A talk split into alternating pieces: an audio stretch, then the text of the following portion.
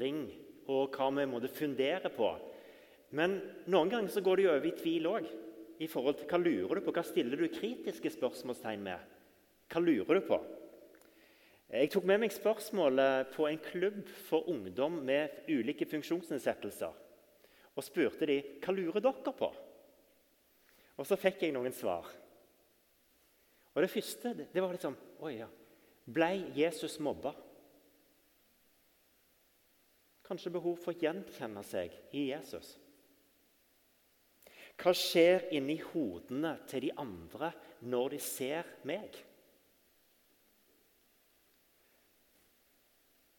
Hvorfor blir jeg så glad når jeg treffer dere? Et vakkert spørsmål. Hvorfor blir jeg så glad når jeg treffer dere? Hva er det det gjør med oss, dette møtet mellom oss? Hvordan kan jeg vite at Jesus elsker oss? Hvordan kan vi vite det? Ikke bare tenke det, men vite det, kjenne det. Hvorfor kan ikke vi se Jesus når han kan se oss? Konkrete, gode spørsmål. Og så kommer det et som jeg bare syns er helt nydelig. Og det er hvordan føler Jesus det når jeg strekker hånda ut mot ham?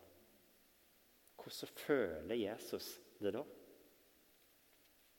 Liksom det at, at, Gud har følelser for oss, og Gud har følelser når vi òg kommer til ham. Det er liksom et, et vakkert bilde, syns jeg. Jeg hadde en samtalegruppe for konfirmantforeldre.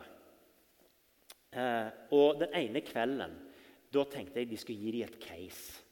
For Samme kvelden skulle jeg ha et samtale med en konfirmant og mor der begge to ønska å bli døpt. Eh, og jeg lurte på hvordan i all verden skal jeg snakke om tro med de? Så jeg tok med meg case i denne konfirmantgruppa. Her var det personer med ulik tilnærming til tro og kirke og bedehus. Eh, og jeg bare stilte spørsmålet hva, Hvordan i all verden skal jeg formidle og snakke om tro til denne konfirmanten og konfirmantmora som skal bli døpt om halvannen time, antagelig? Jeg har så lyst at ikke tro skal bli en prestasjon. Jeg har så lyst at tro ikke skal bli noe vi får til, men at jeg får fram at det er en gave. Og Samtidig visste jeg at jeg skulle gå gjennom trosbekjennelsen.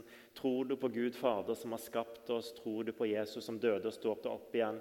Tror du på Den hellige ånd som knytter sammen i et kristent fellesskap? Og så tar ei litt sånn forsiktige eh, Overhodet ikke en person som var den som gikk, trødde ned kirkedørene. Var døpt sjøl, konfirmert, eh, men utover det så var hun konfirmantmor.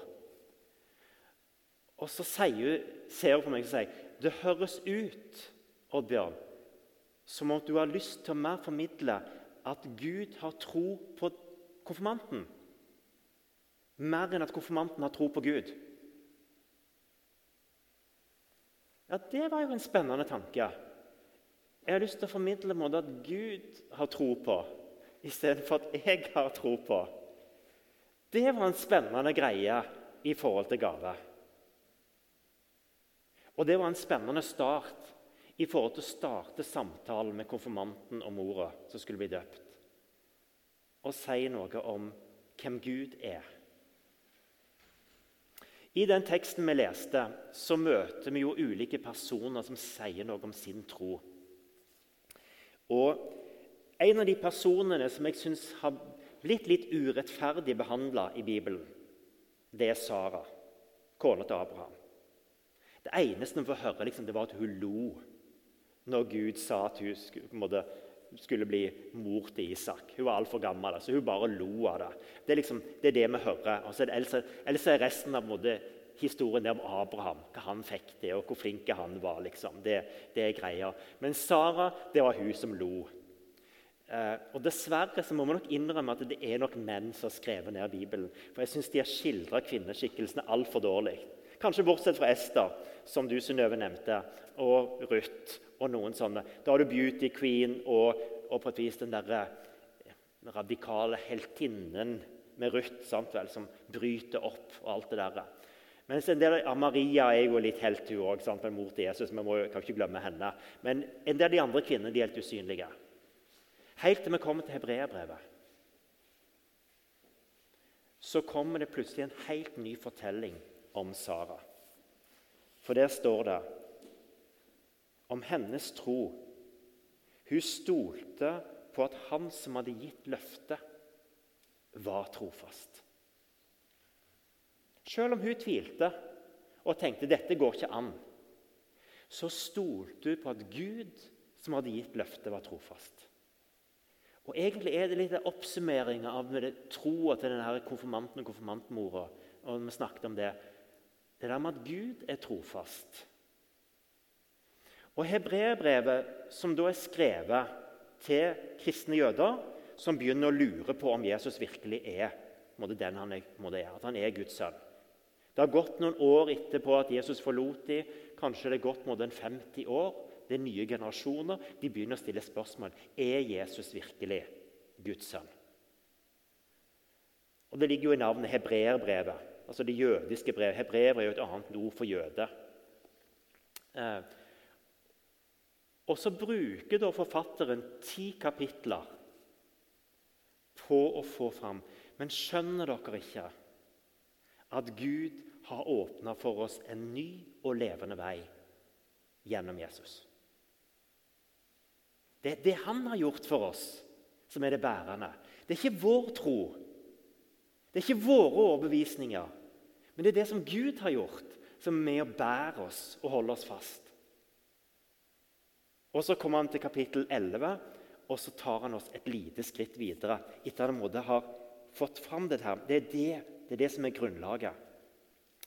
Og Så begynner Hebrever 11 med troen er et pant på det vi håper, et bevis for det vi ikke ser. Og Det første som jeg la merke til, var ordet 'bevis'. Og Da er jeg tilbake til konfirmantgruppa, der vi hadde snakket litt om Gud og skapelse. Og sånn. Og så var det liksom den ene konfirmanten ja, men du kan ikke bevise noe. Ja, Hva tror du på, da? spurte jeg. Jo, jeg tror på vitenskapen.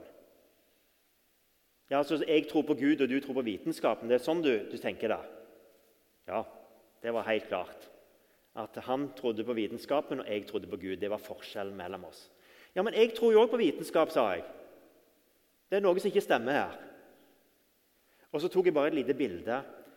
Eh, tenk deg at du skal sammenligne eple og frukt. Og det går ikke. Sånn?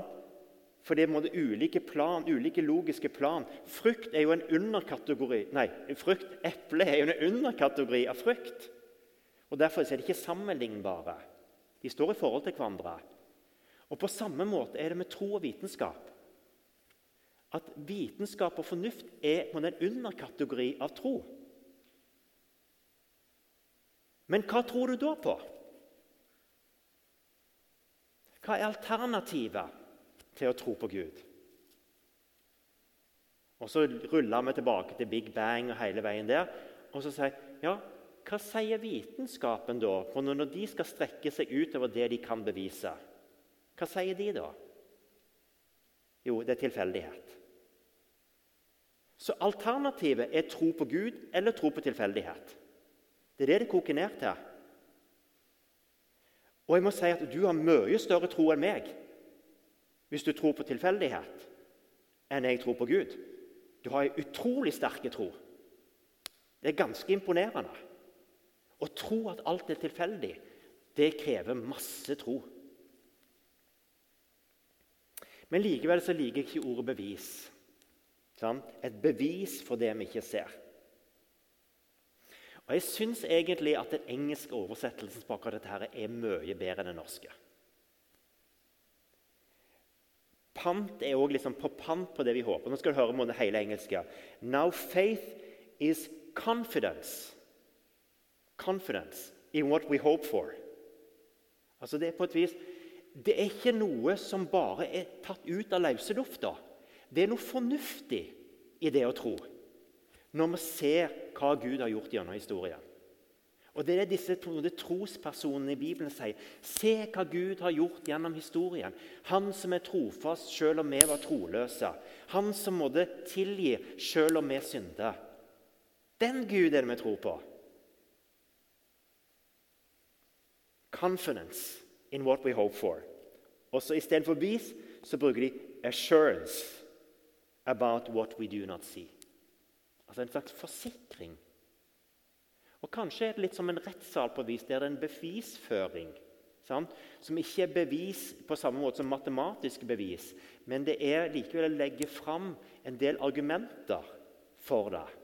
Og det er det må han gjøre her i brevet. brevet. Han legger fram en del argumenter for å tro. Det var denne troen de gamle fikk anerkjennelse for. Gud hadde gitt dem et glimt av noe større, noe å se fram til, nemlig Guds framtid og håp. Og Samtidig så liker jeg dette her i Hebrevet, at troen er måte, Vi ser ikke alt nå. Det er noe vi strekker oss fram mot. Det er noe å håpe på, lengte etter. Eh, og tenker, Det handler ikke bare om himmelen og det som ligger langt der framme, men det handler litt om at morgendagen og denne våren har noe nytt til oss.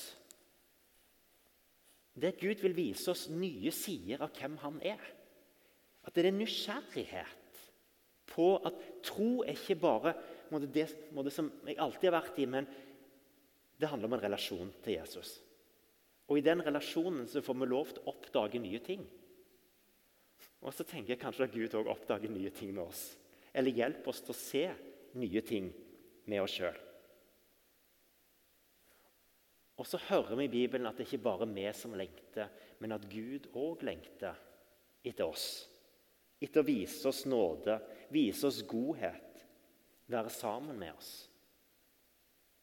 Når Jesus sier 'Jeg har inderlig lengtet etter å spise dette påskemåltidet sammen med dere', så er det et uttrykk for Guds lengsel etter å møte oss og være sammen med oss. Eller som den bortkomne sønnen eller den ventende faren. Det kan vi kalle den fortellingen. Faren fikk øye på han mens han ennå var langt borte. Så står på en måte bildet av Gud som far og som mor. På en måte den som lengter etter å møte oss og være sammen med oss.